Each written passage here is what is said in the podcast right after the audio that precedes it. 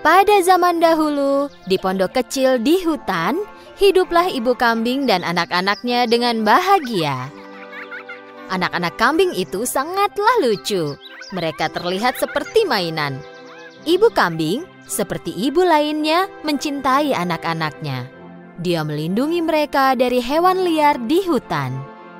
Satu hari, sebelum pergi mencari makanan, ibu kambing memanggil semua kambing dan berkata, Anak-anakku sayang, aku akan pergi ke hutan. Jangan bukakan pintu untuk siapa pun. Jika serigala masuk ke rumah, dia akan memakan kita semua hidup-hidup. Dia sangat licik, dia akan menyamar menjadi apa pun dan mencoba menipu kalian. Jadi bagaimana kami akan mengenalinya? Serigala bersuara serak dan aku punya suara yang lembut dan indah. Jadi kau bisa segera mengenalinya dari suaranya yang berat dan serak. Saat akan pergi, ibu kambing ingat satu hal. Dia berbalik ke anak-anaknya. Ah, satu lagi, kaki serigala berwarna hitam dan aku putih. Kalian juga bisa mengenalinya dari kakinya. Jangan khawatir, Bu. Kami bisa menjaga diri sendiri. Kami bisa diandalkan. Ibu kambing mencium anak-anaknya satu persatu, lalu pergi ke hutan. Serigala mengawasi mereka dari jauh.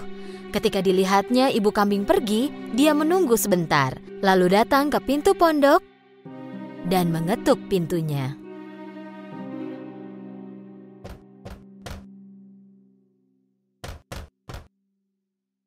Siapa itu? Anak-anak, buka pintunya. Ibumu di sini. Aku membawakan makanan enak untuk kalian. Tetapi anak-anak kambing langsung mengenali suara serak serigala. Tanpa membuka pintunya, mereka berteriak. Kau bukan ibu kami. Suara ibu kami manis dan lebih indah. Kau adalah serigala. Kau tak bisa menipu kami. Serigala sangat marah karena tak bisa menipu anak-anak kambing. Jadi dia pergi ke toko, membeli kapur besar dan memakannya. Kini suaranya terdengar jadi lebih lembut. Lalu dia kembali ke pondok dan mengetuk pintu lagi. Kali ini, serigala mulai berbicara dengan suara lembut. Anak-anakku, buka pintunya. Ini ibu kalian. Aku bawakan makanan dari hutan untuk kalian. Mendengar suara lembut serigala, anak kambing pikir itu benar-benar ibu mereka. Tepat saat mereka akan membuka pintu, salah seorang dari mereka berteriak. Tunggu, tunggu! Mari kita periksa kakinya dari bawah pintu. Tentu saja mereka melihat kaki hitamnya serigala dari bawah pintu. Mereka pun berteriak lagi tanpa membuka pintu. Kami tak akan membukakan pintu untukmu. Kaki ibu kami tidak hitam. Warnanya putih. Kau pasti serigala. Dengan sangat marah, serigala pun pergi. Kali ini dia pergi ke toko roti. Ketika tukang roti melihat serigala di hadapannya, dia sangat kaget. Aku sekarang vegetarian, jadi aku hanya makan pasta. Boleh ku minta tepung? Serigala keluar dari toko roti dengan sekantung tepung. Saat mendekati pondok, dia membuka kantung dan menuang seluruh tepung ke kakinya. Sekarang kakinya putih semua. Serigala licik itu mengetuk pintu pondok untuk ketiga kalinya. Anak-anakku, buka pintunya. Ini ibu kalian. Aku membawakan makanan untuk kalian dari hutan. Tunjukkan dulu kakimu, jadi kami tahu kalau kau ibu kami. Serigala menunjukkan kakinya yang dilumuri tepung. Saat anak-anak kambing melihat kakinya, mereka percaya bahwa itu ibu mereka, lalu membukakan pintu. Dan apa yang mereka lihat? Serigala berdiri tepat di hadapan mereka. Anak kambing tidak tahu harus berbuat apa. Mereka mulai berlarian, berteriak.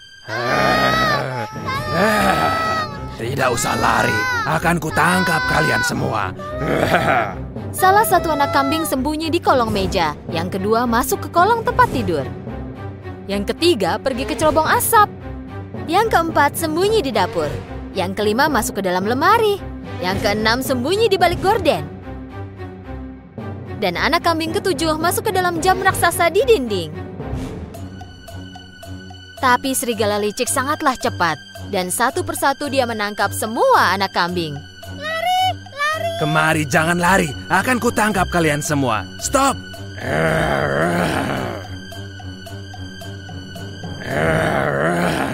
Satu-satunya yang tidak dapat dia temukan adalah kambing yang bersembunyi di dalam jam. Dia sudah kenyang jadi tak meneruskan mencari kambing ketujuh lalu pergi. Ada halaman besar tak jauh dari pondok itu. Serigala berbaring di bawah pohon dan mulai tidur. Dan mendengkur.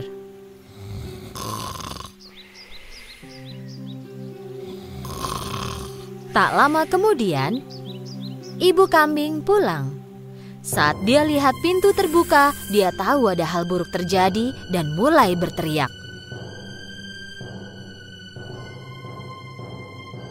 Ah, anak-anakku! Saat masuk, ibu kambing terkejut. Meja dan kursi terbalik, gorden robek, tempat tidur berantakan, bantal dan spray tergeletak di lantai. Ibu kambing mencari anak-anaknya tapi tak menemukannya. Dia mulai meneriakkan nama mereka satu persatu, tapi tak seorang pun yang menjawab. Akhirnya, nama anak terakhir pun dipanggil, dan dia mendengar suara bernada tinggi. Aku di dalam jam besar, Ibu. Ibu kambing berlari ke jam besar dan mengeluarkan anaknya. Ibu kambing dan anaknya berpelukan. Anak kambing itu mulai bercerita sambil menangis. Serigala datang menyamar. Kami pikir itu ibu, lalu membukakan pintu. Dia memakan semua saudaraku.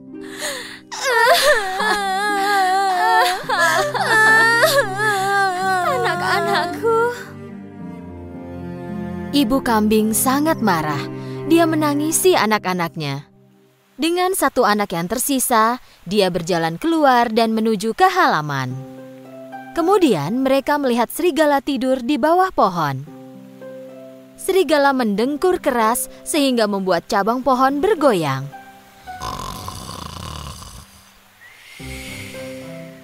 Ibu kambing mengamati serigala. Dia sadar bahwa di dalam perut serigala ada sesuatu yang bergerak. Ya ampun, apa itu anak-anakku ada di dalam perutnya dan mereka masih hidup? Ibu kambing menyusun rencana dan berkata ke anaknya, Larilah ke rumah dan bawakan jarum, benang, dan gunting. Saat kambing kecil berlari pulang, ibu kambing mengumpulkan enam batu besar dari tanah. Kemudian kambing kecil kembali dengan jarum, benang, dan gunting besar. Ibu kambing menggunting perut serigala. Dia segera melihat anak-anaknya. Lalu yang lain pun kelihatan satu persatu. Mereka semua sehat. Ibu kambing tak bisa menahan diri karena gembira. Semua anak kambing memeluk ibu mereka dengan sukacita. Ibu, ibu, kami mencintai ibu. Kami mencintaimu. Yeay. Uh, kami mencintaimu. Mereka semua sangat senang. Ah, anak-anakku, kalian selamat. Ibu kambing menaruh batu yang dia kumpulkan ke dalam perut serigala dengan hati-hati lalu menjahit perut serigala dengan jarum dan benang. Serigala tertidur nyenyak sehingga tidak merasakan apa-apa. Serigala tidak bergerak. Ibu kambing dan anak-anaknya segera kabur. Ketika serigala bangun, dia berdiri. Perutnya sakit sekali. Dia pikir mungkin karena dia makan terlalu banyak kambing. Karena perutnya penuh batu, dia jadi sangat haus. Dia menuju ke sungai untuk minum air. Tapi saat berjalan, batu-batu di perutnya saling berbenturan. Perutku terasa berat dan penuh. Seolah-olah semua kambing itu berubah jadi batu. Serigala ingin berlutut dan minum air. Karena batunya sangat berat, dia hilang keseimbangan dan terjatuh ke air. Ah, tolong, tolong, aku tenggelam, tolong. Berteriak minta tolong, tapi tak ada yang menolongnya. Serigala tak sanggup menahan berat batu itu lagi dan tenggelam. Saat melihat apa yang terjadi, ibu kambing dan anak-anaknya berlari ke sungai. Serigala mati. Yeay, serigala mati. Mereka menari dan melompat dengan bergandengan tangan. Sejak saat itu, ibu kambing dan ketujuh anaknya hidup damai dan bahagia di pondok mereka di hutan. Di negeri yang jauh sekali, tinggallah seorang pemilik penggilingan padi dan ketiga putranya. Saat meninggal, dia mewariskan penggilingan itu kepada putra pertama dan keduanya, dan mewariskan seekor kucing kepada putra bungsunya. Putra bungsu sangat sedih tidak seperti kakak-kakaknya, dia tidak mungkin bertahan hidup dengan warisan yang dia dapatkan. Putra bungsu melihat kucing itu dan berkata pada diri sendiri, "Apa yang bisa kau lakukan dengan seekor kucing? Kau bahkan tak bisa memakannya." Tapi tiba-tiba terjadi sesuatu yang tidak terduga. Kucing itu berbicara. Tuan salah sangka tentangku. Aku bisa menjadi sangat berharga untukmu. Putra bungsu terkejut melihat kucing yang berbicara. Dia pun bertanya dengan gemetar. Kau bagaimana mungkin? Jika Tuan membawakan karung kosong, sebuah topi, dan sepasang sepatu boot untukku, akan kutunjukkan caranya. Rasa terkejutnya mulai hilang, lalu putra bungsu berpikir dalam hati. Jika kucing ini bisa bicara, dia pasti tahu sesuatu. Baiklah, kita lihat apa yang bisa kau lakukan. Putra bungsu membawakan semua yang diminta oleh kucing itu. Kucing itu lalu memakai topi, memakai sepatu bootnya, pergi ke cermin dan melihat dirinya sambil berpose. Lalu menaruh seikat selada dan wortel ke dalam karung, kemudian pergi. Ketika tiba di hutan, kucing itu membuka karungnya dan meletakkannya di tanah.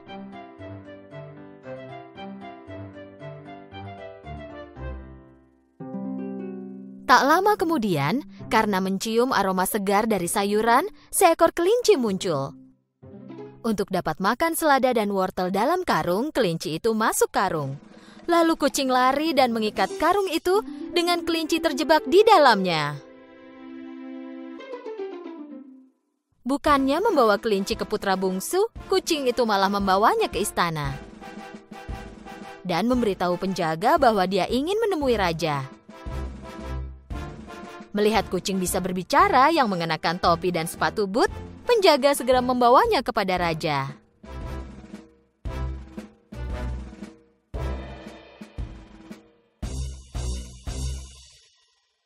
Yang mulia, saya persembahkan hadiah dari Pangeran Karabas untuk Yang Mulia.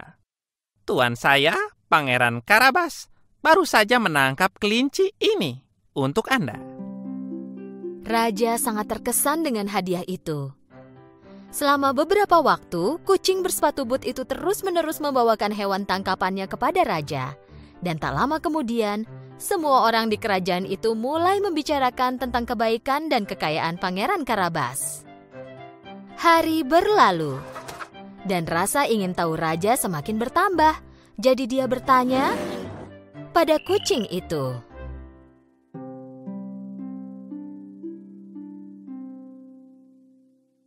Apakah tuanmu masih muda? Oh iya, dia masih muda dan sangat tampan.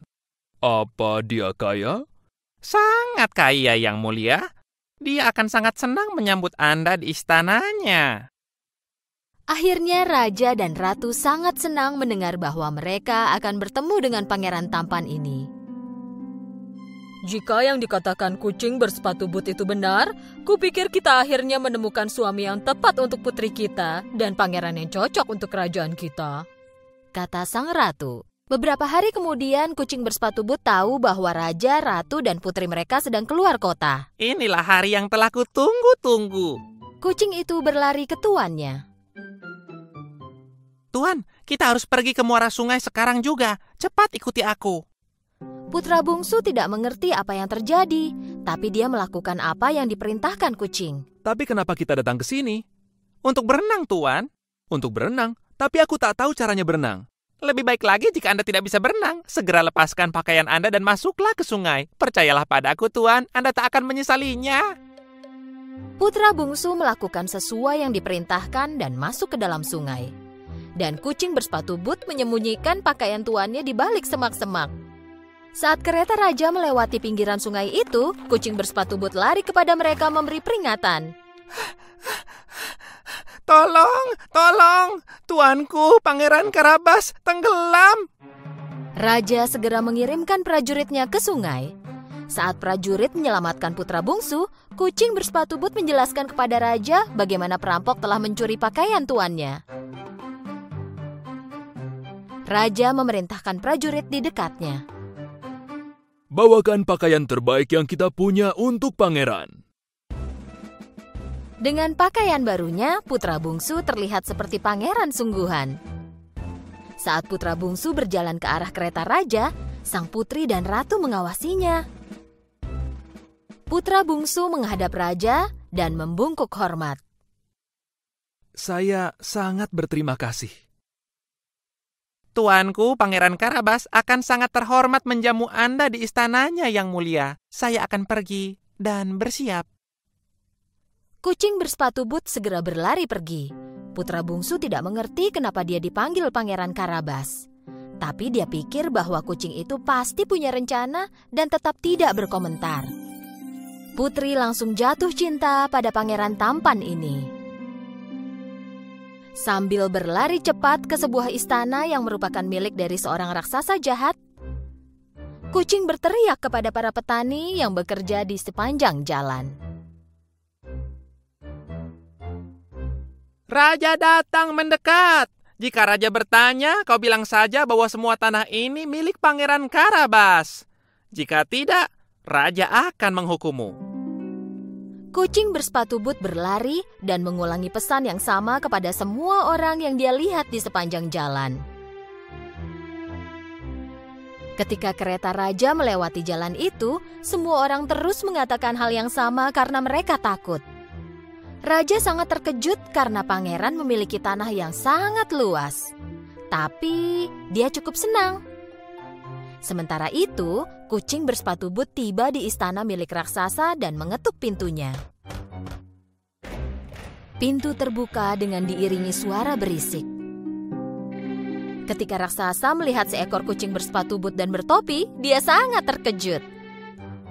Ketika kucing bersepatu but mulai berbicara, raksasa itu lebih terkejut lagi. Selamat siang, Yang Mulia. Siapa kau dan apa yang kau lakukan di istanaku? Kucing bersepatu but mulai menerapkan rencananya. Hmm, begini, biar ku jelaskan Yang Mulia. Saya adalah pelayan setia Raja. Raja banyak bercerita tentang kemampuan sihir Anda yang luar biasa. Ya, itu benar. Misalnya, Anda bisa mengubah diri Anda menjadi singa yang besar. Tentu saja aku bisa. Ini sangat mudah untukku. Sambil menggunakan sihirnya yang luar biasa, raksasa berubah menjadi singa yang besar. Kucing bersepatu but sangat ketakutan dan melompat setinggi mungkin. Oke, oke. It, itu cukup. Raksasa berubah lagi menjadi dirinya semula. Itu tadi mengagumkan. Tapi saya bertaruh bahwa Anda tidak mungkin mengubah diri menjadi hewan berukuran kecil. Saya tidak yakin, bisakah? Tidak mungkin. Aku bisa berubah menjadi hewan apa pun yang aku mau. Hmm, coba kulihat. Apakah Anda bisa berubah menjadi tikus kecil? Raksasa tertawa keras sekali sehingga kucing kesulitan untuk tetap bertahan di tempatnya berdiri. Dan demikianlah raksasa menggunakan kekuatan sihirnya dan berubah menjadi seekor tikus. Ketika melihat raksasa berubah menjadi tikus, kucing dengan cepat melompat ke tikus tersebut dan dengan sekali gigit berhasil menyingkirkan raksasa itu. Sementara itu, kereta raja mendekati istananya raksasa dan kucing segera berlari menyambut raja.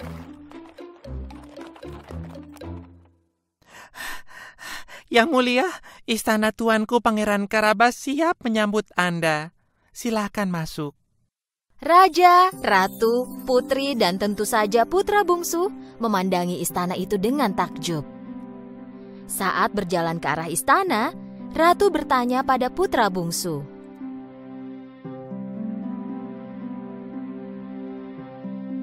Pangeran, apakah kau sudah menikah? Tidak, Yang Mulia. Jika Anda mengizinkan saya menikahi putri cantik Anda, saya berjanji akan membahagiakannya. Pesta besar pun disiapkan di istananya raksasa. Lalu pangeran dan putri pun bertunangan. Tak lama kemudian, mereka menikah.